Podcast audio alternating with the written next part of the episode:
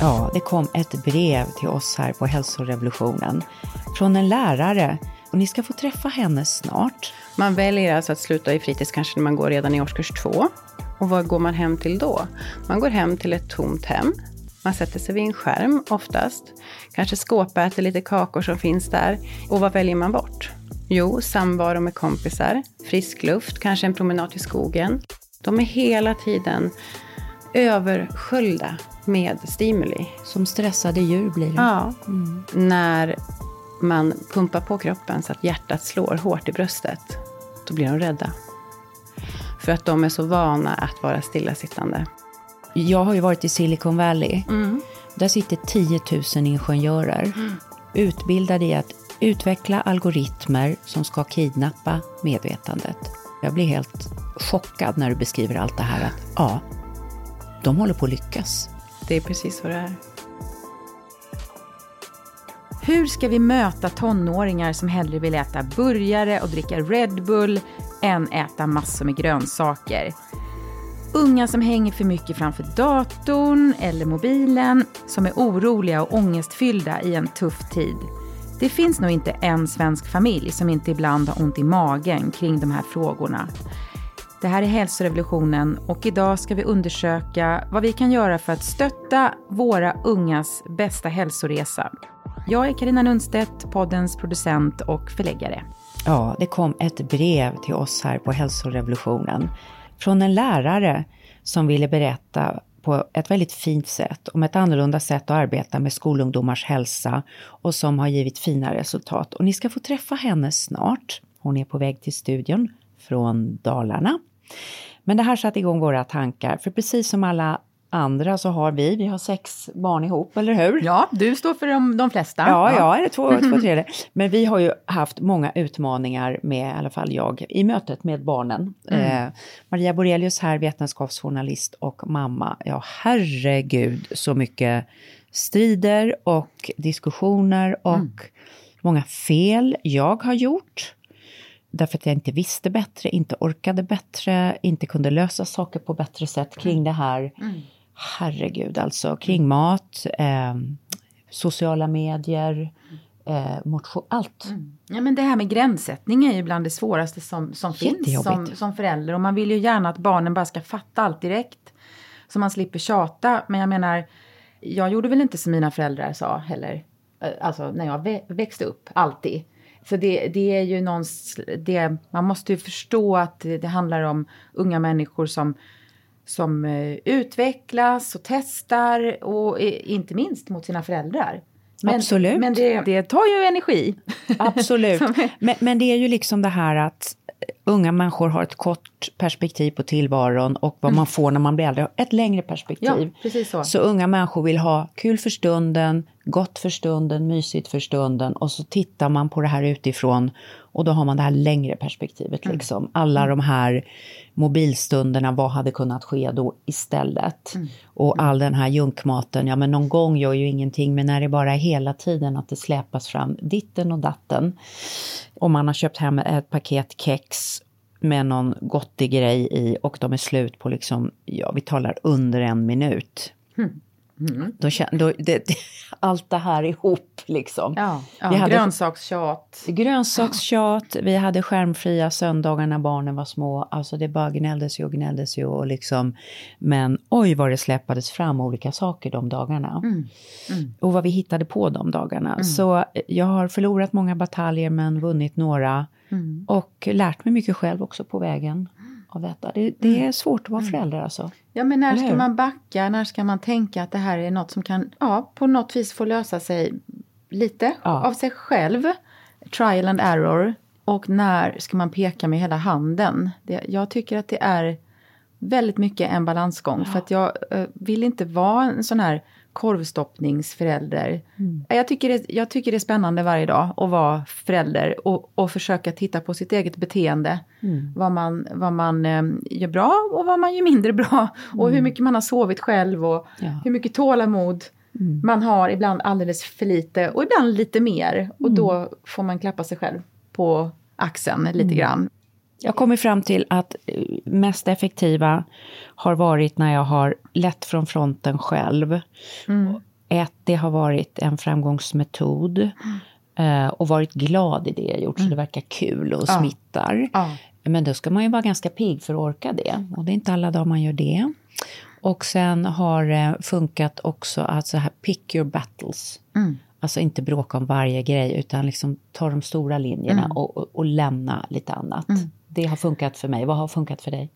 Jo men jag börjar, jag inspireras ju mycket av dig som du, som du vet. Ja men jag inspireras av dig också så det är Och jag tycker att jag har börjat ta ett steg tillbaka. Nu är ju mina barn ganska stora mm. också så jag, jag, jag, kan liksom inte hålla på. Mm. Och som ensam förälder också så blir det ju väldigt tjatigt att höra ja. min, min röst om jag ska ja. ligga i. Men det som triggar mig mest och som, som vi ska prata om en del idag det är ju om man liksom ser hur barn verkligen kan må dåligt av för lite sömn, hur, hur stressen kan snurra, hur det kan bli växa kanske till mental obalans på sikt hos, alltså väldigt enkelt, för så är det ju mm. hos oss vuxna Absolut. också. Om vi inte mm. får våra grundläggande behov av sömn och mat och träning och frisk luft och sol och skratt och avkoppling och utmaningar.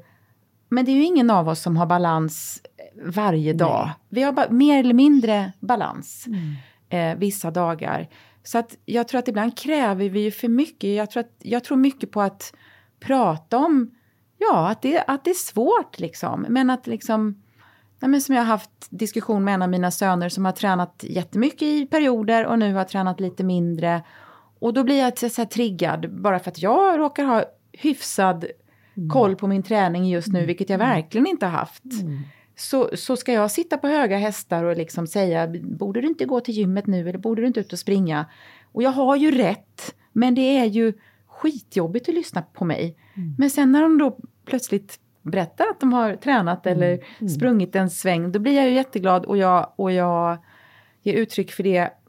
Ja, och med detta sagt vill jag bara säga att det är, man får försöka sitt bästa varje dag mm. och eh, som du säger, lead by example. Och, men också våga prata allvar ibland när det behövs. Därför ja. att det är ju ändå så att absolut, våra absolut. unga vill ju må bra om ja. de tänker efter. Ja. Så. så precis, eh, tänka så. Sen tänker jag en annan grej också våra föräldrar hade ju inte den här minutkollen på barn som Nej, man har så... idag med alla mobiler. Nej, alltså jag kunde gå och må lite halvdåligt och vara ja. för mig själv. Ja. Ja. Men, men nu skickas det sms fram och tillbaka. Åh, nu har det och det hänt, jag mår jättedåligt och alla föräldrar sitter på jobbet någonstans och plötsligt går i taket. Mm. För alla vet i stunden vad som händer. Mm. Man har små WhatsApp-grupper i familjen och vad man nu har. Mm. Och det här skapar ju nya belastningar på föräldrar och liksom ja, bära barnens välmående. Det kan ju förstora problem. Ja, det kan det. Och liksom som barnen, hade kunnat lägga sig. Som hade kunnat på några timmar få lägga sig och ja. så vidare. Jag menar, mm.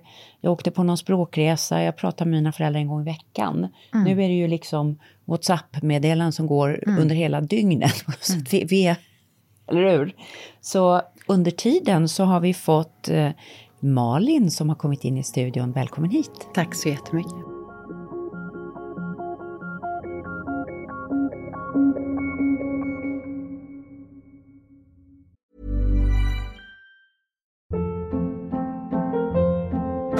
Hold up. What was that? Boring. No flavor. That was as bad as those leftovers you ate all week. Kiki Palmer here, and it's time to say hello to something fresh and guilt-free. Hello Fresh. Jazz up dinner with pecan-crusted chicken or garlic butter shrimp scampi. Now that's music to my mouth. Hello Fresh. Let's get this dinner party started. Discover all the delicious possibilities at hellofresh.com. Hey, it's Ryan Reynolds, and I'm here with Keith, co star of my upcoming film, If, only in theaters, May 17th. Do you want to tell people the big news? All right, I'll do it. Sign up now and you'll get unlimited for $15 a month in six months of Paramount Plus Essential Plan on us. Mintmobile.com slash switch. Upfront payment of $45 equivalent to $15 per month. Unlimited over 40 gigabytes per month. Face lower speeds. Videos at 480p. Active Mint customers by 531.24 get six months of Paramount Plus Essential Plan. Auto renews after six months. Offer ends May 31st, 2024. Separate Paramount Plus registration required. Terms and conditions apply if rated PG. A lot can happen in three years. Like a chatbot may be your new best friend. But what won't change? Needing health insurance. United Healthcare Tri-Term Medical medical Plans, underwritten by Golden Rule Insurance Company, offer flexible, budget-friendly coverage that lasts nearly three years in some states. Learn more at uh1.com. Vi fortsätter vårt roliga betalda samarbete med Bosch. De har precis kommit ut med sin nya köksmaskin, serie 6, som har fått en naturlig plats i mitt kök. Att baka gör mig lugn. Jag har länge tänkt att jag vill baka oftare. Och nu har det blivit mycket enklare tack vare serie 6 med sina smarta sensorprogram. Och den här gången valde jag ett recept ur din kokbok, Maria. Vad glad jag blir. Berätta, vad valde du? Jo, men jag ska baka din mormors härliga recept på Earl Grey-kex. Som då kommer från Hälsorevolutionen, kokboken. Och för det här receptet så rekommenderar du just en köksmaskin eftersom det är ganska många ingredienser. Så därför har jag dragit mig för att eh, baka de här. Det har känts lite knepigt och svårt eftersom jag inte haft någon egen köksmaskin tidigare. Och så här lät det. Ja, nu har eh, serie 6 köksmaskinen fått eh, jobba på här ett tag och det har blandats ihop till en perfekt liten smul smulsmet här. De innehåller havregryn, smör, bovetemjöl, bakpulver, havssalt, eh, citronzest, ingefära, blötlagda Earl Grey-teblad och sen kallt Earl Grey-te och honung och till sist kakaonibs. Ja, ni fattar, det här kommer att bli så himla gott. Ja, men det här är så kul och min mormor hade ju tyckt det här var fantastiskt. Hon var ju alla de här ingredienserna och det här med, med ett litet bra kex och en kopp te. Det var liksom väldigt mycket hon. Jag tror att hon drack 16 koppar te varje dag och just tekex var liksom lite specialitet ja. för henne. Det jag uppskattar särskilt med serie 6 nu när jag har bakat med den några gånger det är till exempel eh, den enkla funktionen att man kan väga ingredienserna. Både ovanpå köksmaskinen och direkt i skålen. Och sen de sju olika sensorprogrammen eh, som är, passar allt från när man bakar med jäst till att man vill vispa grädde eller maräng eller något annat. Och eh, den här gången när jag gjorde Earl Grey-kexen så hade jag program nummer fyra som funkade perfekt just för detta. Och det är en unik 3D-rörelse som gör att alla ingredienserna fångas upp liksom från botten och blandas väl. Ja, bakning och matlagning det är ju personligt i varje familj, för mig också. Det känns jättekul att recepten sprids och vi kommer lägga ut receptet på vår Instagram också, eller hur Karina? Ja, hur blev kexen förresten, Earl Grey-kexen? Ja men så himla goda med den här citronsmaken mm. i kombination med Earl Grey-teet. Man kan få testa köksmaskinen serie 6 i hela 100 dagar. Den finns redan nu att köpa hos Power och där kan man även få mer info om köksmaskinen. Lycka till! Malin Siljedal, lärare från mm. bor i Falun men är verksam i Borlänge, mm. skolan där. Och det började ju med att du skrev ett brev till mm. oss. Hej Maria! Jag har länge tänkt skriva till dig och nu är det dags. Mitt namn är Malin Siljedal och jag är en 48-årig trebarnsmamma till Elias, Johannes och Ella. Jag har arbetat som lärare i 25 år, alltså mer än halva mitt liv. Mitt lärararbete har engagerat mig mycket och jag har beskrivits som en eldsjäl i mötet med mina elever. Som du vet har barn och ungas psykiska ohälsa ökat oroväckande i samhället, både den upplevda och den diagnostiserade. Den här sorgliga och allvarliga utvecklingen blir så tydlig för oss som arbetar i skolan. Vi möter dagligen barn och unga som lider av psykisk ohälsa och uttrycker en känsla av ensamhet, depression, oro, stress ångest och utanförskap. Många barn och unga sover dåligt och alldeles för lite. De är alltför stillasittande och lever osunt. Våra elever är inte lika mottagliga för undervisningen som tidigare. Allt fler kommer till skolan som zombier, utmattade och nedstämda. En bakomliggande faktor är den ökande skärmtiden. Sociala medier, Youtube och serier som är tillgängliga dygnet runt. Det eviga scrollandet och häftiga dataspel fångar deras uppmärksamhet och konkurrerar många gånger ut andra aktiviteter. Tiden försvinner med en telefon i handen och plötsligt blir det andra oviktigt eller ointressant. De sociala medierna bidrar ofta till skeva skönhetsideal, orealistiska krav och jämförelser som påverkar självbilden negativt. Vi som arbetar nära våra elever ser tydligt hur det här får negativa konsekvenser för deras mående, beteende, skolprestationer och liv. Många elever mår så dåligt att de inte tar sig till skolan och riskerar att bli hemmasittare. Det började ju med att du skrev ett brev till mm. oss. Varför gjorde du det? Jag känner att barn mår så mycket sämre idag mm. än tidigare. Mm. Och eh, jag har jobbat i skolan i 25 år som lärare. Och det blir så otroligt tydligt att deras mående inte är bra just nu. Mm. Mm. De sista åren har det blivit, gått ganska snabbt ut för upplever jag och mina kollegor också. Och jag vet att ni har en väldigt eh, helhetssyn på människan och att ni jobbar för hälsa. Så, och jag har följt er podd i flera år.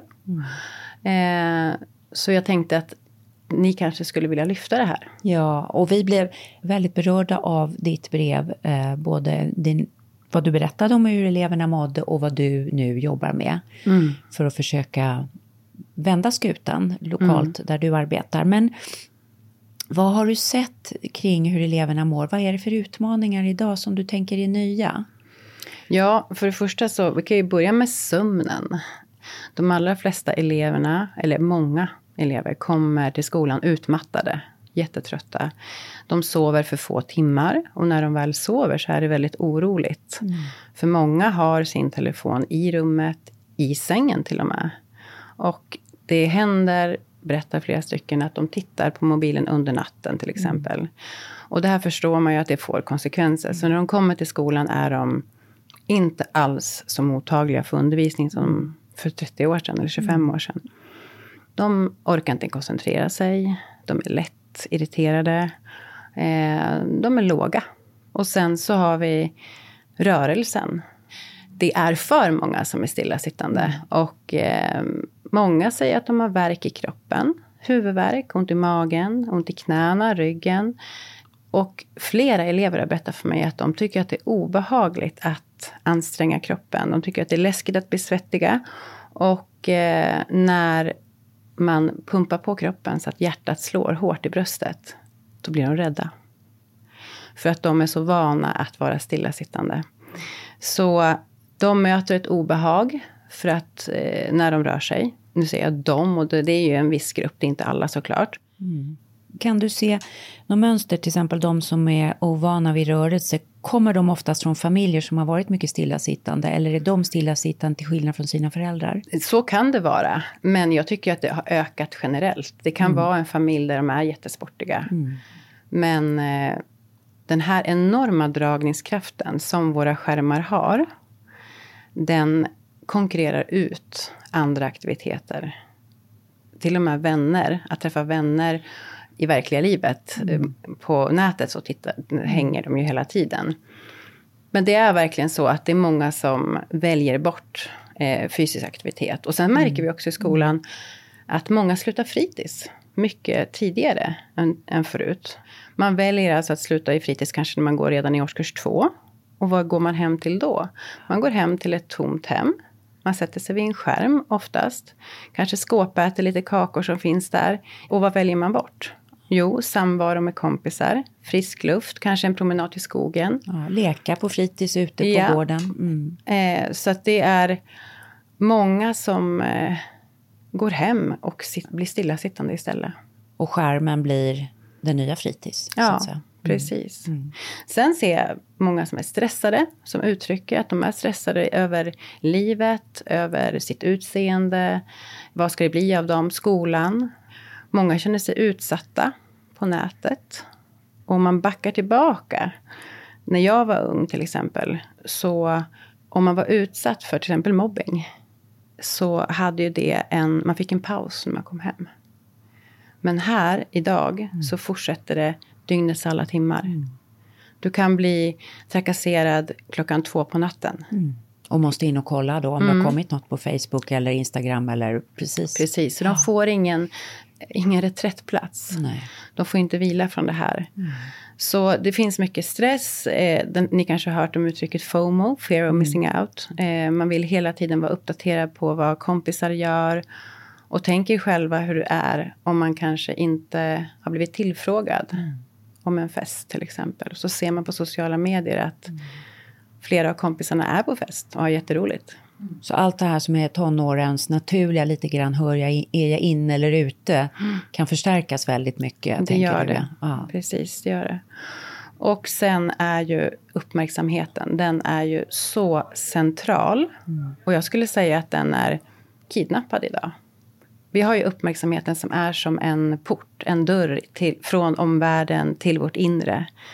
Och eh, vi kan till viss del styra uppmärksamheten. Till viss del. Men det- det är hela tiden vår reptilhjärna, det här känslomässiga centret i hjärnan som är, eh, kommer från våra urgamla strukturer, hjärnstrukturer från när vi var, levde på savannen. Det är de som hela tiden konkurrerar ut vår självvalda uppmärksamhet. Och vi har inte en chans. Vi har inte en chans. Och Det, just, är, vä- det är värre än så, Malin. ja. Alltså, nu är det du som är gäst, men jag, Ja. jag har ju varit i Silicon Valley. Där sitter 10 000 ingenjörer som är utbildade i beteendetekniker. Utbildade i att utveckla algoritmer som ska kidnappa medvetandet. Exakt. Så det är det vi sitter och slåss emot, resultatet av det. De är tränade på Stanford Ja. i att skapa saker som kommer att förstärka social oro. Är jag med i gruppen eller inte? Vilka likar mina saker? Som kommer förstärka vårt behov av att få likes och så vidare. Så jag tänker när du beskriver det här, för jag blir helt chockad när du beskriver allt det här, att ja, de håller på att lyckas. Det är precis så det är.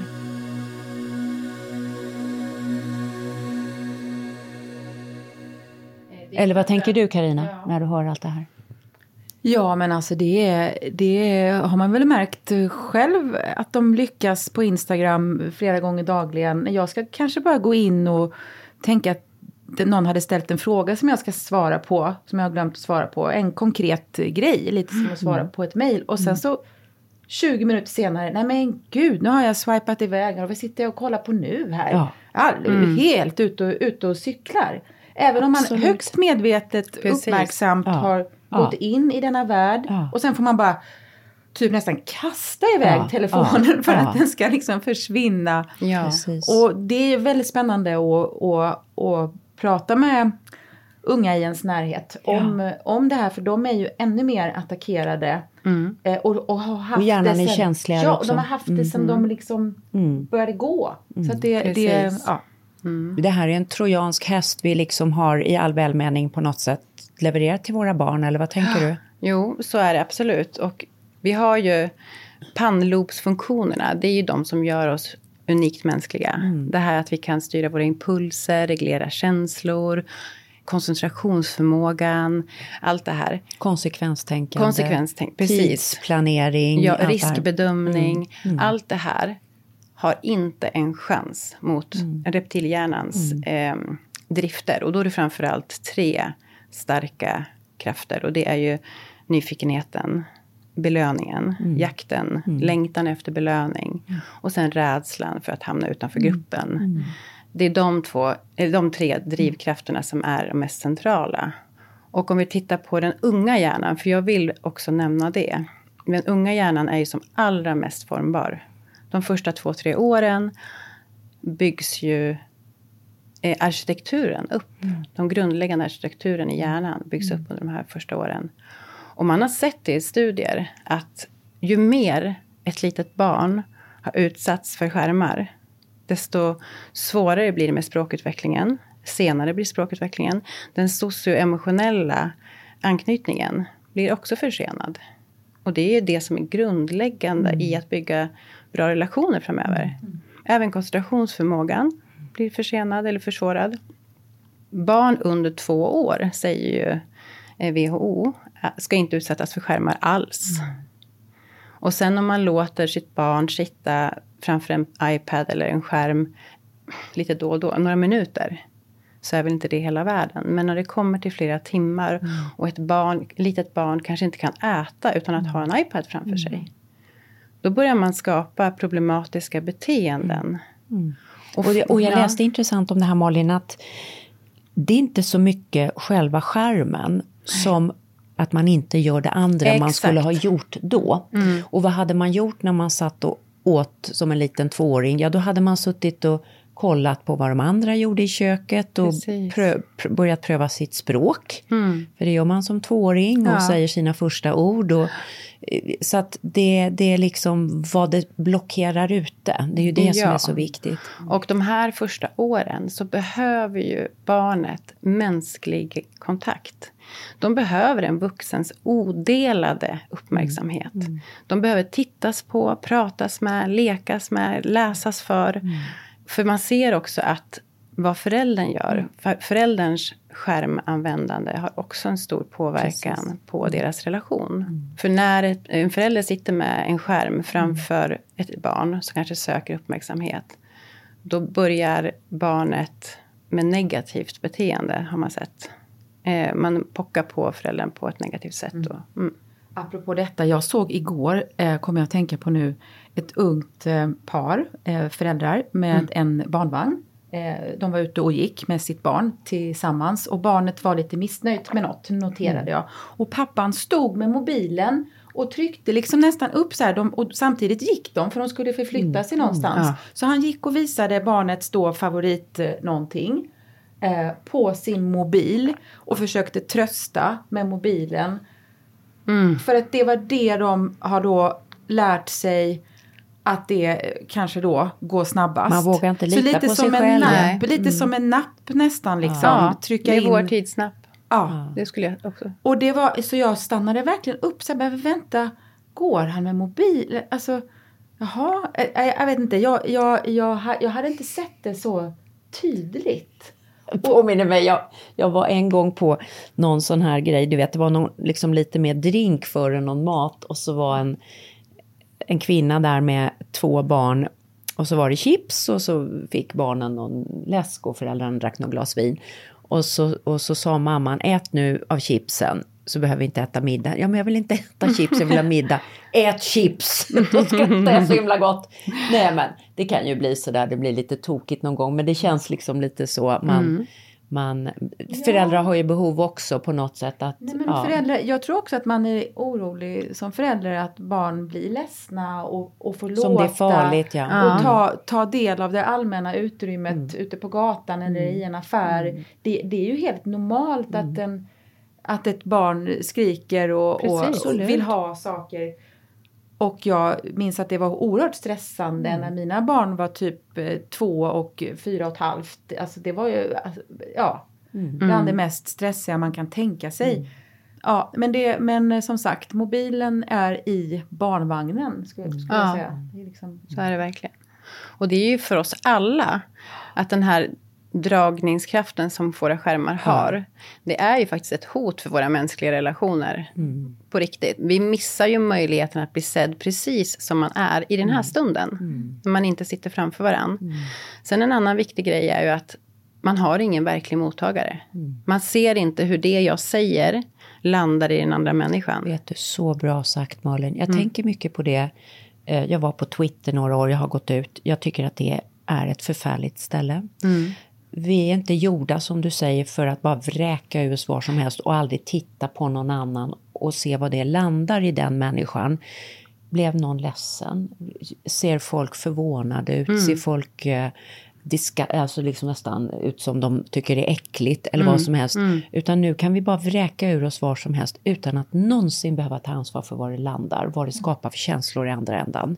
Precis. Och det har ju aldrig före vår tid varit så. Nej. Utan man har alltid behövt ta ansvar för, nu säger jag det här till dig och du svarar mig.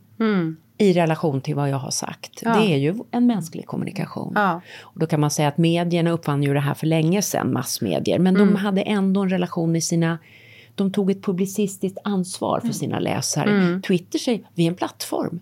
Vi har inget ansvar för vad som skickas ut. Nej. Det är alla som twittrar, som får, men de tar inget ansvar och bara vräker ur den ena kodyngan efter det andra. alla ska vara sina egna redaktörer och egna journalister och ha sina egna plattformar, egna eh, kanaler. Jag tycker det är och en del är fruktansvärt. bättre på det och andra är sämre på det ja, såklart. sämre på ja. det. Men, men det blir en, en och det, man ser ju att tonläget blir väldigt uppskruvat och elakt. Ja, man blir avtrubbad. Ja, man blir avtrubbad Man för blir elakhet. avtrubb- Ja, och så För- blir man omtyckt i sin egen lilla grupp. Ja. Där det likas och skickas runt. Va? Ja.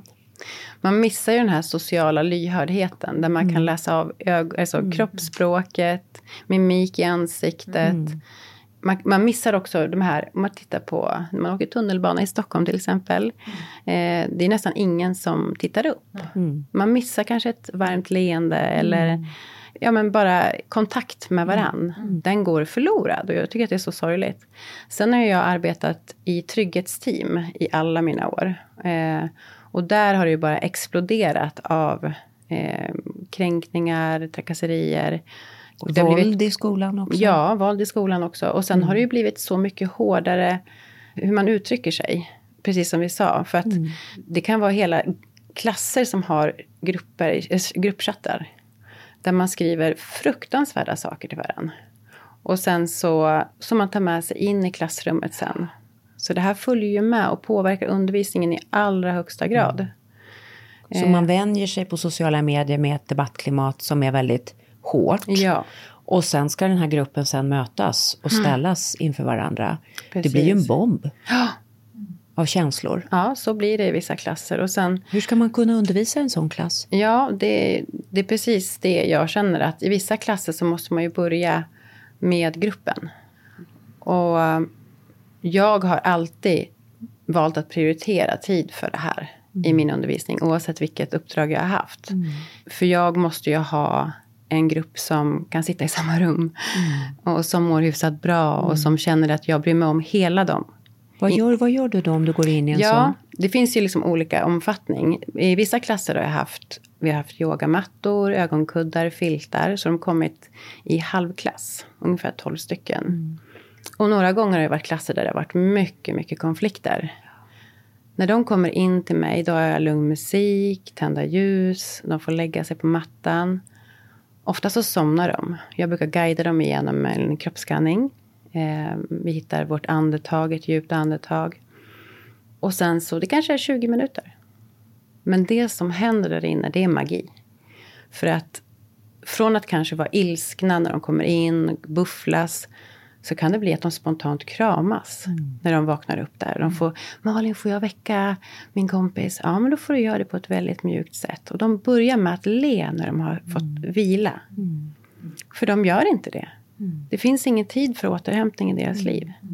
De är hela tiden översköljda med stimuli. Som stressade djur blir det. Ja, precis.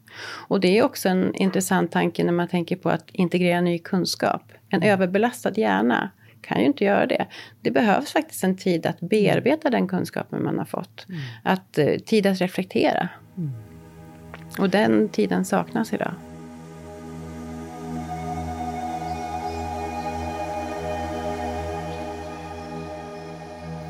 Du har ju beskrivit på ett sätt som verkligen griper tag i hela mig. Eh, I hur många unga har idag.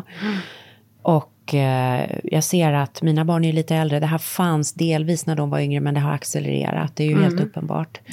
Och du har ju då, du berättar här, du har börjat berätta lite, men du skrev ju till oss också liksom att du har utvecklat ett program nu för att börja jobba med detta.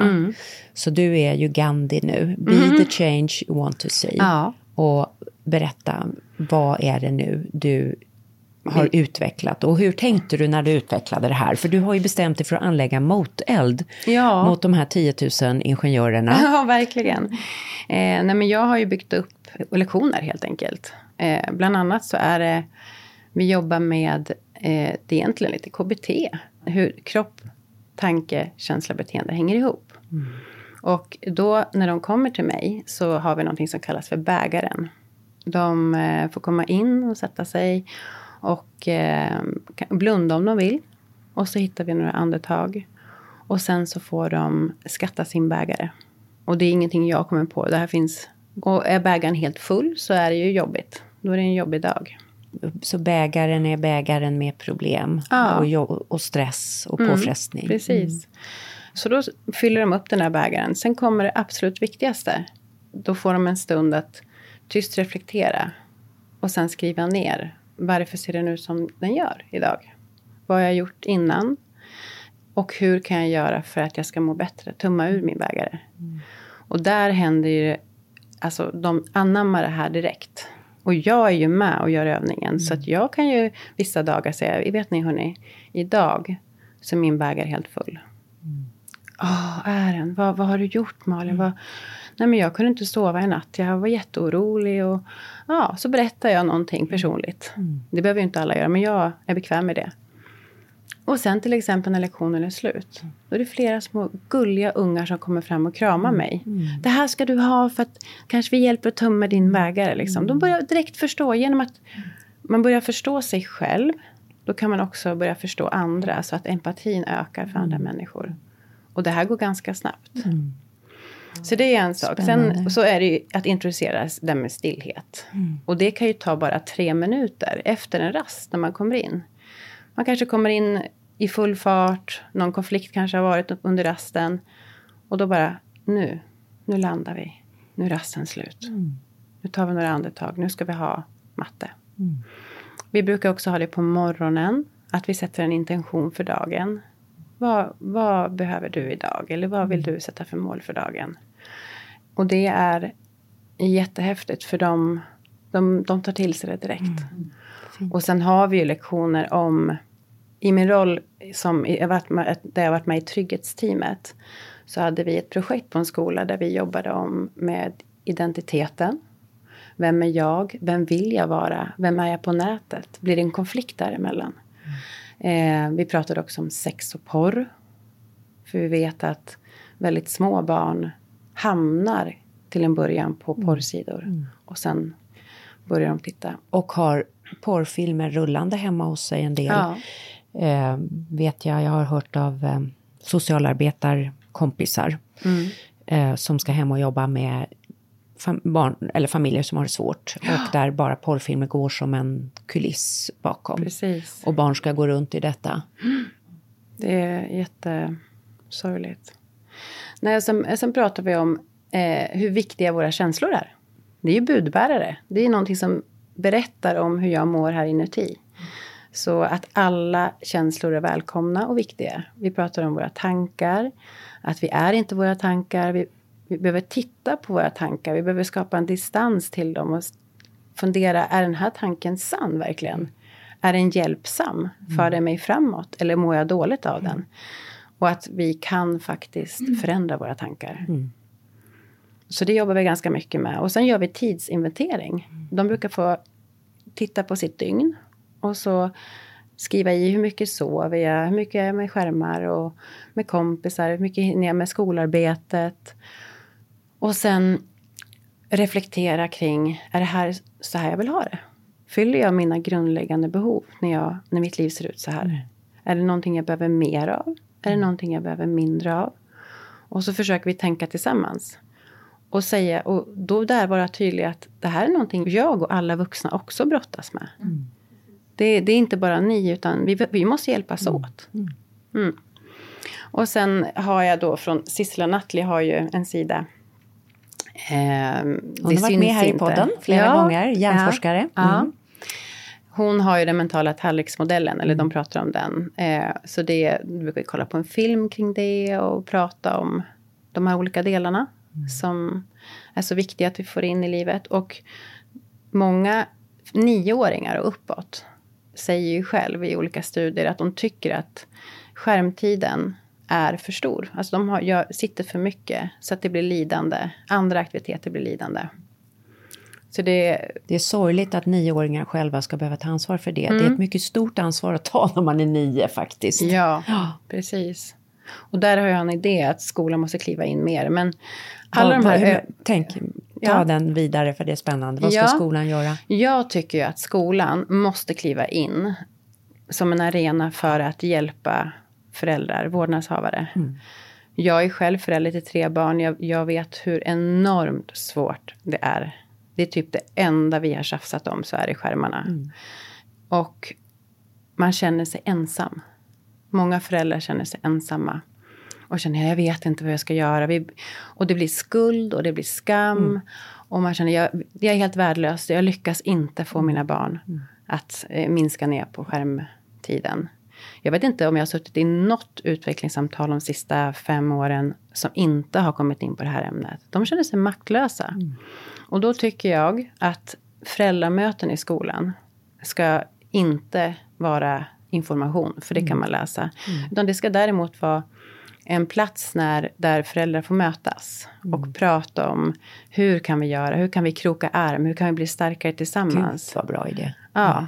Det svåra är att få dit de föräldrar som behöver det allra mm. mest. Eh, men man måste ju börja någonstans. Det kan ju räcka att en tredjedel av föräldrarna börjar med detta. Det kan ge ringa på vattnet också. Alla Precis. behöver inte vara med från dag ett för att det ska bli bra på sikt. Nej. Att prata om gränssättning, eh, att det, det är inget farligt om mitt barn blir arg eller ledsen. Mm. För många föräldrar säger, nej men han vill ju inte gå och lägga sig, han blir så arg då. Mm. Ja men, ja. Mm.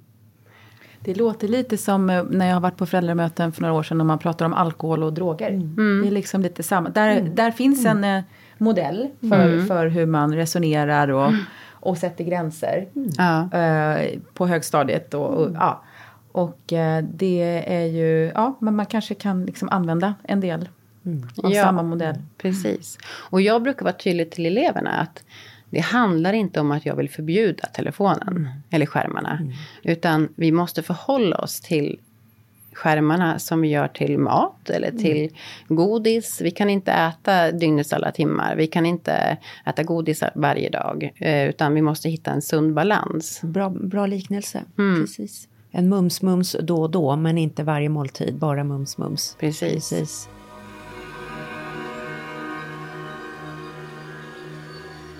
Du, vad får du för respons från eleverna? Är det, är det vissa som är mer mottagliga eller vad, vad möter du? Jag tycker nästan att i princip alla tycker det här är jätteintressant och roligt att prata om. Mm. Sen finns det ju en liten klick som kanske blir stressade. Men hallå, ska vi inte, ska vi inte plugga? Ska vi inte mm. så? Men de allra flesta är väldigt positiva och mm. tycker det är viktigt att prata om det. Mm. Vi pratar också, det får vi inte glömma, eh, vi har en lektion som heter Livets berg och dalbana. Mm. Där vi pratar om att, eh, alltså mitt syfte är ju att man ska få realistiska förväntningar på livet. Mm. Livet går upp och ner och det gör det för precis alla människor. Mm. Så brukar jag rita upp min, min eh, linje och berätta om när jag var, mådde som sämst. Mm. Och de, alltså det blir knäpptyst i vilken klass som helst. Va? Är det här på riktigt? Är, handlar det om dig Malin? Mm. Ja, det handlar om mig. Jag var jätteledsen, jag mådde jättedåligt. Min pappa hade dött och mm. jag låg på köksgolvet hemma och grät. Mm. Va? Har du varit så ledsen? Mm. Ja. Men vet ni att jag kom upp igen? Mm. Och det kan man göra och då behöver man ha verk, en verktygslåda. Mm. Och det är det vi jobbar med. Då. Mm. Olika verktyg som kan hjälpa oss få balans igen. Komma tillbaka. Det är ju en stor och mäktig uppgift för skolan och man kan säga att i en ideal värld så skulle liksom skolan inte behöva ta det här ansvaret för eleverna skulle inte må så dåligt och mer av det här skulle kunna tas av föräldrar. Mm. Så hur ska skolan liksom hinna med allt det här förutom att förmedla kunskap? Eller hur tänker du på den här balansen mellan mm. då kunskapsförmedling och det här som är människostärkande om jag kallar det för det? Mm. Jag tänker så här att i, i dagens skola så är det mycket tid som går åt att lösa konflikter. Mm. Att få arbetsro i klassrummet. Trösta ledsna barn. Att liksom komma igång med undervisningen. Vi blir avbrutna hela tiden för att eh, barnen orkar inte. Mm. Så om vi börjar i andra ändan med det förebyggande och främjande arbetet mm. så kan vi ju stärka eh, elevernas må mående, mm. välmående. Mm. Så att de faktiskt själva får verktyg och vet hur de ska göra. Och vi kan ägna oss åt kunskap mm. mer. Så man vinner tid snarare än förlorar tid. Precis. Det är det du säger. Ja. ja. Du, jag tänker på en, en komponent till här. För du har pratat nu väldigt fint om lugn och ro-systemet mm. och du har mm. pratat om eh, de mellanmänskliga banden. Men jag tänker också på rörelse. Mm. En av de dummaste sakerna tycker jag man har gjort i skolan var när man drog ner på ämnet gymnastik. Mm. För det här att få röra på sig varje dag. Mm. Framförallt för de som inte får göra det hemma kanske och sådär. Och, eh, är så otroligt viktigt för att få igång dopamin. Absolut. Som är nödvändigt för inlärning. Mm. Så vad tänker du, hur pratar ni om det med rörelse? Ja, alltså jag tycker att det har blivit mycket mer vanligt att vi har eh, rörelsepauser i skolan. Ja. Eh, jag har alltid det. Antingen att man sätter på YouTube och dansar till någon mm. musik. Eller jag kan ibland bara göra att vi ställer oss i trädet, en yogaövning. Mm. Eh, att man bara bryter undervisningen. Mm. Många lärare kan uppleva att det blir så rörigt, det blir jättejobbigt. Och släpper man ut dem för en rörelsepaus så tar det jättelång tid att få in dem igen. Mm. Så där måste man hitta någon rörelseövning som passar för gruppen. Som fungerar för mm. just den specifika gruppen. Men eh, det är ju ungefär 25 minuter som vi mm. kan hålla fokus. Sen mm. behöver vi rörelse. Mm. Så, men det tycker jag att det, det blivit vanligare faktiskt. I alla fall upp till årskurs 6. Mm. Allt det här bygger, som du berättar om nu bygger ju på att vi håller på att få en eh, mycket större kunskap om hur hjärnan fungerar. Vi har pratat mm. om limbiska systemet, reptilhjärnan, frontalkortex, hjärnbarken. Eh, och vi pratar nu om dopaminet och så vidare. Mm. Tycker du att ni som är lärare får tillräcklig utbildning i det här med hur hjärnan funkar och hur man kan trycka på rätt knappar i hjärnan? Nej, det tycker jag inte. Det, det jag har lärt mig, det har jag lärt mig själv. Det har jag lärt mig för att jag är intresserad av det. Mm. Men eh, absolut så skulle vi kunna bli bättre på det och lära oss mer om det. Mm. mm. Vad tänker dina lärarkollegor då när de ser Malin är igång nu och det mm -hmm. ritas eh, berg och dalbanekurvor och, ja. och det står sig i trädpåsen och, och så. Ja. Vad får du? Det är både och. Mm. Eh, men jag har varit inne i klasser där jag har haft eh, avslappning. Och eh, till en början så har lärarna åh vad bra, då springer jag och kopierar. Så drar de iväg. Mm. eh, men sen är det ju flera stycken som har sagt så här, kan jag vara med? Mm. Det verkar så skönt. Mm. Så då har det ju varit ibland att vi har flera vuxna som har varit med på de här avslappningsövningarna och bara åh, det är så skönt. För att vi lärare är ju väldigt stressade. Mm. Och det påverkar ju barnen också. Mm. Om vi springer på varenda boll hela tiden mm. så kommer barnen också få svårare att hitta ett lugn. Mm. Malin, i skolan idag så, så är det allt fler ungdomar som får diagnoser som ADHD och ADD till exempel. Vad tänker du om det kopplat till de här livsstilsmönstren som du har pratat om? Ja, vi har ju en livsstil idag där, där vårt belöningssystem är kapat kan man säga. Eller vi, vi lever på kickar hela tiden. Och tittar man på kriterierna för ADHD till exempel, så är det ju koncentrationssvårigheter, det är svag impulskontroll, det är bristande uppmärksamhet. Och det här är ju sådana beteenden som vi alla får i det här samhället. Med, när vi har sådana här livsstilsfaktorer. Jag vill inte säga att det finns många som får diagnoser som ska ha diagnoser såklart. Men vi alla får ett sånt här beteende utifrån den här livsstilen som vi lever i. Lite sömn, mycket datoranvändande, ja. sociala medier. Ja, det driver oss åt det hållet. Ja.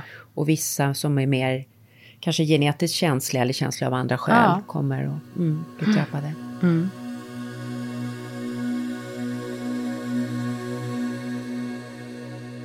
När, när du eh, berättar det här så min spontana känsla blir oro för barnen mm. och kärlek till barnen mm. och kärlek till alla föräldrar som kämpar med det här och alla lärare som får kämpa med det här. Mm. Men också, det här borde fler göra. Mm. Hur sprider man det här? Ja, men precis. Det finns ju redan jättemånga som gör det. Och eh, jag har försökt i tio års tid. Eh, jag har eh, pratat med skolchefer och jag har skrivit till politiker. Och häromdagen skrev jag till Lotta Edholm, skolministern. Så jag försöker på många håll att göra det. Och sen finns det ju många andra som gör det också. Vi har ju Sissela Nattli, hon träffade också mm. skolministern. Mm. Vi har Siri Helle som mm. har en sida med, som heter Psykisk hälsa, hälsa i skolan. Hon har också varit gäst. Mm. Ja. Mm. Eh, vi har Svenska Läkarförbundet, Socialstyrelsen, Världshälsoorganisationen, Folkhälsomyndigheten, mm. Skolverket. Alltså, det är jättemånga som trycker på det här nu att vi behöver satsa på det förebyggande och främjande elevhälsoarbetet mm. i undervisningen. Mm.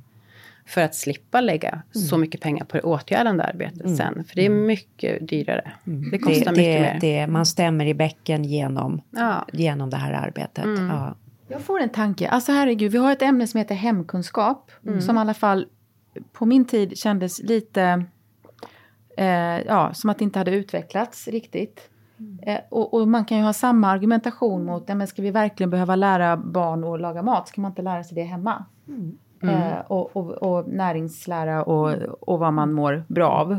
Och, och så vidare. Även om det då var tallriksmodellen old school som predikades med 68 brödskivor. Men jag menar det, så att alltså det har väl alltid funnits att man ändå ägnar sig åt livskunskap. Och, och det är bara det att vi måste uppdatera schemat för livskunskap. Precis. Det kanske inte är att, vad vet jag, hacka eh, någonting exakt. Ja, det kan Eh, ingå och- där också, kan fast ingå. på ett nytt sätt. Att Ja. man tänker holistiskt, kost är en del, sömn är en del, ex- egenvård. exakt. Alltså, poängen med gymnastiken i skolan är ju inte att få x antal människor som kan hoppa över en plint. Nej. Utan att man ska få pröva så många olika sätt att röra sig Ja. som möjligt för att hitta någon sport. Ja. Som man kanske sen vill fortsätta själv med. Precis, och sen att få uppleva känslan Ja, av hur skönt det känns i kroppen. hur bra har- jag mår efteråt, nästa lektion känns härlig, jag är pigg i huvudet. Och. Precis. Ja, eh, otroligt många inspirerande. Vad har jag inte frågat dig om nu som du vill också förmedla? Jo, men jag tycker så här. En viktig grej som jag vill få fram. Det, det som händer med elevgrupperna. Jag har ju sagt, varit inne på det lite grann. Men när de får komma och möta en vuxen utan känslan av att de ska prestera. Eller utan känslan att de ska bedömas. Att bara få vara. De, de frågar så här, okej, vad ska vi göra nu? Va, vad ska du göra med mig? Liksom, Nej, du ska bara få blunda och vila. Va? Jaha. Och du vet, det är så fint att se. Kravlöshetens kraft skulle jag vilja säga att det är. För att det är... Det kan vara grupper som jag sa som har mycket ilska inom sig. Som helt plötsligt blir kärleksfulla mot varandra. Och det, vi har ju sett det på skolor där det har varit mycket bråk. Att i enkäter som man gör varje år, trygghetsenkäter, att det har blivit lugnare när vi har gjort det här kontinuerligt. Så fint. Alltså, när du berättar detta tänker jag mycket på, för vi lever ju i ett samhälle där man alltid ska reda ut konflikter med ord. För mig funkar det inte riktigt så. Man reder ut konflikter med en, att hitta ny energi ihop. Och det kan vara en beröring, det kan bara vara att sitta och lyssna på musik ihop. Alltså liksom att saker får, kan få smälta ut i något annat. Och, i, och vi hittar inte det där om vi inte vågar vara i, i stillhet med varandra. Nej. Förstår jag menar? Ja. Så det är kanske det du gör. De kan nå varandra i det här stilla ihop. Precis. Alltså, så jag tänker på, förr i världen hade man ju alltid morgonbön och psalm. Det var liksom den tidens sätt att skapa, liksom nu riktar vi ihop oss till den här dagen ihop. Och så fick man sjunga ihop. Det skapar, tänker man idag, gemensamma vibrationer. Exakt. Vi kanske behöver hitta en ny morgonsamling på, på ett nytt sätt. Sätta en intention, sätta en gemensam energi. Vad Där säger du någonting jätteviktigt. För att eh, vår förra läroplan, Lgr 11, som kom 2011. Den skapade väldigt mycket stress hos elever, hos lärare och hos vårdnadshavare. Det var extremt mycket fokus på kunskap. Det centrala innehållet var enormt. Och många lärare trodde att vi, det här måste vi checka av allting och det blev jättestressigt. Och aktiviteter som annars förenar, skapar gemenskap, glädje, en vi-känsla. Det skulle liksom tonas ner eller tas bort nästan helt. Musiksamlingar, eh, pysseldagar, eh, när man visade upp någonting man hade gjort med klassen. Nej, det hann, hann man inte med. Så det, precis som du säger, vi behöver mer av det. Det samlande. Vi behöver en ny morgonsamling. Ja, det behöver vi verkligen. Som är på ett nytt sätt med de här teknikerna du använder. Mm. Nu mer än någonsin. För Ja. att de har inte så många sociala arenor där de träffas. Eh, de är socialt begränsade, många barn. Inte alla, men många. Det tar till exempel emot att ringa en kompis. Det är jättemånga barn i skolan som vägrar att ringa en kompis. De skriver på sina eh, chattar och sen kan de sitta och vänta en hel dag för de inte får, då blir det ingenting gjort. De bara sitter och väntar men de kan inte ringa. Så jag har ju flera gånger inför en helg så jag har sagt, ja vad ska ni göra i helgen då? Äh, spela. Så här, ingen har någon plan direkt. Men hörni, skulle inte, kan inte ni träffas? åka upp och bada till exempel. Mm. Eller gå ner på stan och fika. Eller mm. Spela fotboll. Då bara tittar de på varandra så här. Så här kanske. Så jag har försökt para ihop mm. barn mm. inför en helg. Men ring till varandra. Nej, det kan vi inte göra. Vi kan inte ringa varandra, säger de. Mm. Så det är ju... Ja, vi behöver skapa fler sociala arenor eller stunder där de får öva på mänskliga relationer. vi behöver gör. hjälpa barnen att vara människor. Ja, det, det behöver det. vi verkligen. Och det lär sig de av oss, mm. vad det är att vara människa. Mm. Jag tänker också, för jag lever ju med, med två eh, mm. tonåringar som har haft eh, ja, Snapchat och annat som naturliga kommunikationssystem. Att, att det är ändå bra att lägga till att det kan funka jättebra också. Det kan vara förenande. Absolut. Eh, och bra, det är lätt att sitta när vi är som en äldre generation och bara klanka ner. Mm. Det finns ju plus och det finns minus. Mm. Och jag tycker att det de kan samla sig jättesnabbt när de ja. vill. De, plötsligt de, har de varit ute och spelat basket i någon, i någon park. Som igår när jag kom, kom hem så satt det två kompisar till Oskar i hans rum och höll på med en eh, ja, DJ-anläggning som, som han har och, och, så. Och det är inte varje dag, men, men det är ändå det är en realitet att det är så här våra ungdomar kommunicerar. Det kommer vi inte kunna ändra på. Nej. Men precis som vi säger, som vi brottas med gränssättningen mm. i sociala medier mm. och balansen, hur mycket är man ute och ses i verkliga livet mm. och i naturen. Vi kommer inte få det här att försvinna. Nej. Utan, utan jag tror att det finns jättemycket bra med det. Mm. Eh, det kan vara allt från födelsedagsplanering, ja, insamlingar till, till ja, vad det nu kan vara. Liksom. Jättebra att du säger det. Mm. ja, och att det... Och, och eh, min sons klass hade studentskiva nyligen. Mm. Då hörde jag, om jag uppfattade rätt, att de plötsligt då hade de en liten grupp för just den kvällen. Så då ja. kunde de dela bilderna, ja, men typ som en sån här livesändning. Mm. Mm. Ja. Eh, jag tror att det var kul och mm. positivt och ja, men partybilder. Ja, eller man får ihop fort, som ja. ikväll ska vi fira ett barn som fyller år. Ja. Hur ser, då har vi bildat en liten WhatsApp-grupp mm. kring den kvällen. Mm. Så det är ju, finns ju fördelar också. Ja. Men när det exkluderar mänsklig samvaro. Det är ju när det skapar mer, ja det är ju det som vi, vi måste ha Precis. Ja. ja, för det jag skulle vilja säga som, är, som jag glömde säga, det var ju när man var ensam förr så var man riktigt ensam. Mm. Idag har ju man, alltså man har ju möjligheten att få vänner över hela världen. Ja. Hitta ja. någon som känner precis som jag själv. Ja. Så man kan få stöd. Så det finns ju fantastiska möjligheter med våra telefoner. Och, och så. Det, det, mm. måste jag också säga. Mm. Men vi måste hitta en sund balans mm. och eh, värna om de mänskliga relationerna. Ja, det måste vi. Och vår mm. mänsklighet. Malin, varmt tack för att du tack. har kommit hela vägen från Dalarna. Mm. Jag är så glad att du skrev det här brevet till oss. Tack. Så eh, viktigt ämne och jag känner att det här måste vi fortsätta och, ja, verkligen. och, och göra något mer av. Mm. Så tack, tack Malin. Tack, tack själv.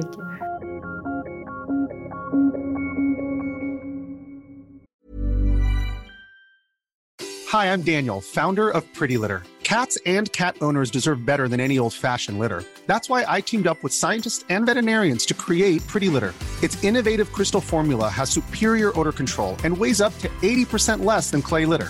Pretty Litter even monitors health by changing colors to help detect early signs of potential illness. It's the world's smartest kitty litter.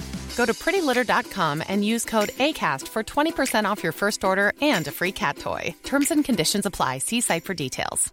Ever catch yourself eating the same flavorless dinner three days in a row? Dreaming of something better? Well, HelloFresh is your guilt free dream come true, baby. It's me, Gigi Palmer. Let's wake up those taste buds with hot, juicy pecan crusted chicken or garlic butter shrimp scampi. Mm. Hello Fresh. Stop dreaming of all the delicious possibilities and dig in at HelloFresh.com. Let's get this dinner party started. Many of us have those stubborn pounds that seem impossible to lose, no matter how good we eat or how hard we work out. My solution is PlushCare PlushCare is a leading telehealth provider with doctors who are there for you day and night to partner with you in your weight loss journey. They can prescribe FDA-approved weight loss medications like Wagovi and Zepbound for those who qualify. Plus, they accept most insurance plans. To get started, visit plushcare.com slash weight loss. That's plushcare.com slash weight loss. Ibland tänker jag, Karina, att vi har världens bästa jobb, du och jag. Det har vi. Absolut. Vi får lyfta fram alltså fantastiska människor och så viktiga saker. Och denna lärare, jag hoppas att varje skola har en Malin Siljedal. Ja, mm. eller två. Eller två. Eller tre. Det behövs många tror Och alla kan plocka fram sin inre Malin. Mm. Vad den här kunskapen kan betyda för skolan. Och jag känner så starkt med alla lärare som kämpar. Jag vill bara säga det också. Mm. Mm. Hoppas och tror att det här har varit inspirerande för många, inte bara lärare. Utan, Nej, utan föräldrar för, också. Ja. Mm. som kan få lite tankar och våga, våga stå när man liksom känner att man står ensam mot de här 10 000 ingenjörerna. Mm. Så, och våga kämpa, håll ut! Ja, så vi kan stötta varandra och våra fina, fina unga. Fina ungdomar att bli sitt bästa jag. Men när man får prata med unga människor, som jag försöker ta tillfället så ofta det går, och prata med mina söner och deras kompisar när de hänger hemma. En av mina söner har flyttat hemifrån, men mm. Oskar bor ju hemma och jag älskar när hans kompisar är där. Och, mm. och prata till exempel kring eh, mobilanvändande, mm. vilket jag gjorde för ett tag sedan och fick höra jättemycket spännande. Och eh, vi lät eh, Oskar, mm. eh, min son, och hans eh, kompis, skolkompis Filippa berätta om hur de hanterar sina mobilvanor. Ja, nu sitter jag hemma i mitt kök och eh, eh, dricker kaffe med eh, min yngsta son Oskar. Mm. Hej Oskar. Hej. Och eh, din eh, kompis från ja. skolan, Filippa. Hej. Hej. Ni är ju båda 18, snart 19 mm, år och tar studenten. Och hur tänker ni kring sociala medier och hur det får ta tid av ert liv? Liksom? Ja, men det är ju just det att man kan ju bli så uppslukad av egentligen alla appar som bara har den här scrollfunktionen. Och eh, det kan man ju märka både på sig själv väldigt ofta Eh, men också på sina kompisar. Att man blir så fast i det här scrollandet. Mm. Och eh, kan nästan kännas ibland som att man kommer på sig själv och blir liksom skrämd. Mm. Av att så här, shit nu har jag slösat bort en timme och kommer ihåg 5% av det jag kollat på. Mm. Det är det som är ja, lite sjukt egentligen. Ja. Vad, vad, känner du igen dig i det här? Ja, alltså jag tänker främst på det här med neverending scrolling. Där, ja. Alltså så det aldrig tar slut liksom. Just det. Mm. Eh, och typ att jag alltså inte alltså, typ vet hur man har tråkigt längre. Eller alltså, jag kan typ inte tillåta mig själv att ha tråkigt en minut. Så om jag liksom, mm. det kommer reklam, alltså så typ när jag kollar YouTube som är fem sekunder, då tjoffar jag upp Snapchat eller liksom TikTok. Eller, ja, då går du någon annanstans. Ja, exakt. Och alltså samma liksom om jag sitter i soffan eller liksom sätter någon i mikron. Alltså så här, jag har alltid liksom, kan liksom inte bara stå och liksom ha det tråkigt. Eller nej, ska säga nej. Nej.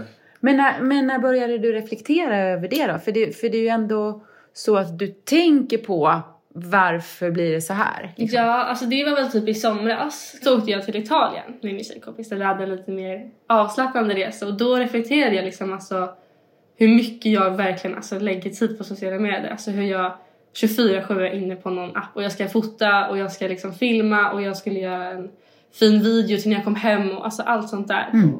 Och skulle liksom kolla på vad alla andra postade och då fick jag typ lite panik. Alltså så här, och kollade min skärmtid och såg att jag liksom hade åtta timmar. Och det är mm. liksom mm. en hel arbetsdag. Det är, alltså, ja, det är stört. Ja. Egentligen.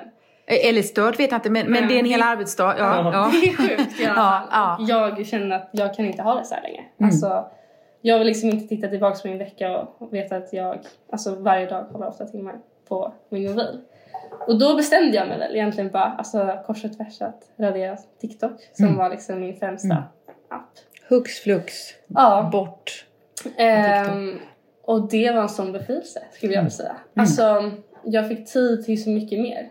Och jag gjorde så mycket mer men fick ändå liksom mer tid. Mm. Det låter och vad fick du tid till? Alltså mig själv typ. Mm. Alltså jag började träna. Mm. Jag började vara med mina föräldrar mer, min katt mer mm. och mm. alltså bara typ började reflektera mer över allt jag missat. Mm. Mm. Gud vad, alltså jag blir så inspirerad av att prata med Och du har då satt, vad har du satt för gränser i sociala medier nu när du, efter att ha reflekterat? Eh, alltså jag har typ 45 minuter på Instagram. Mm.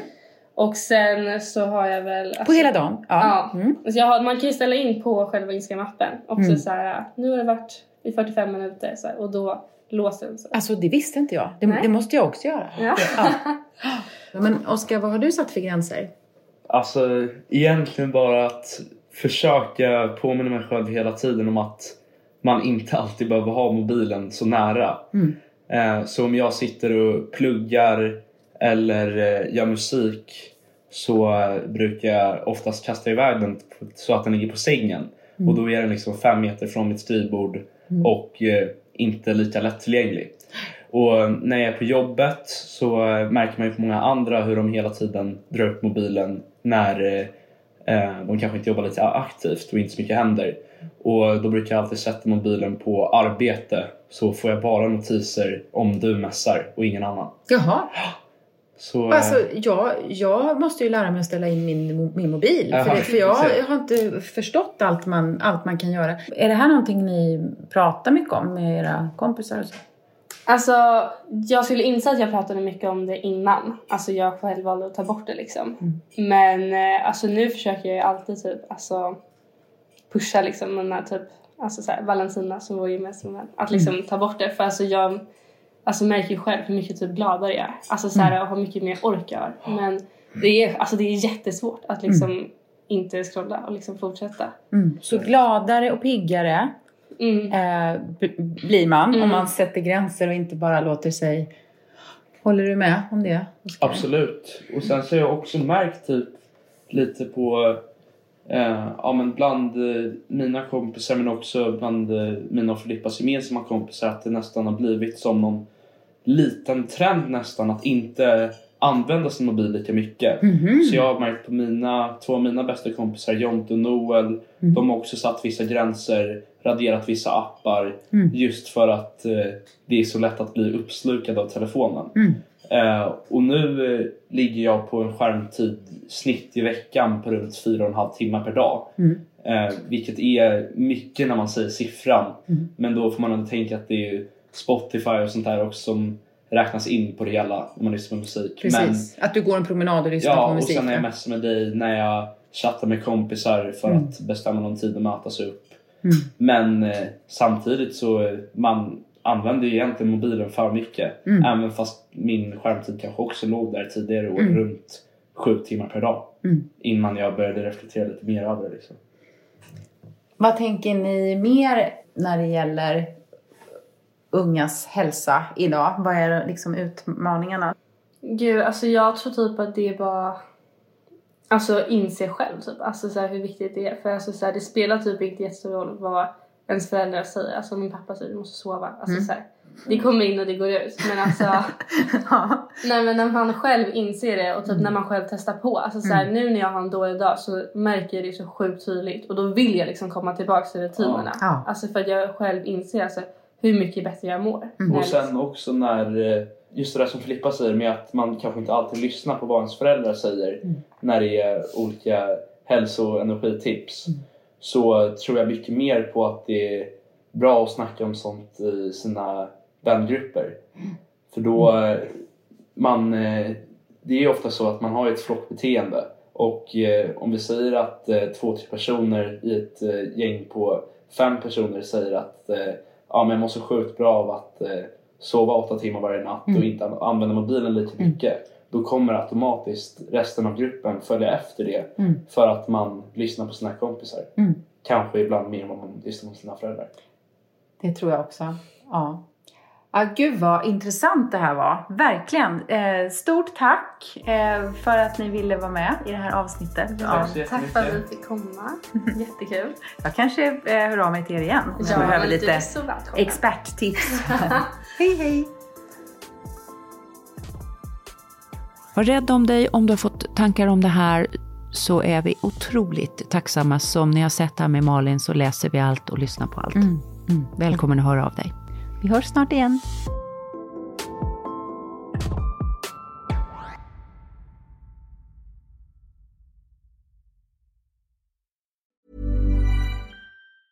Ever catch yourself eating the same flavorless dinner three days in a row? Dreaming of something better? Well, HelloFresh is your guilt-free dream come true, baby. It's me, Kiki Palmer. Let's wake up those taste buds with hot, juicy pecan-crusted chicken or garlic butter shrimp scampi. Mm. Hello Fresh. Stop dreaming of all the delicious possibilities and dig in at HelloFresh.com. Let's get this dinner party started. This message comes from BOF sponsor eBay. You'll know real when you get it. It'll say eBay Authenticity Guarantee. And you'll feel it.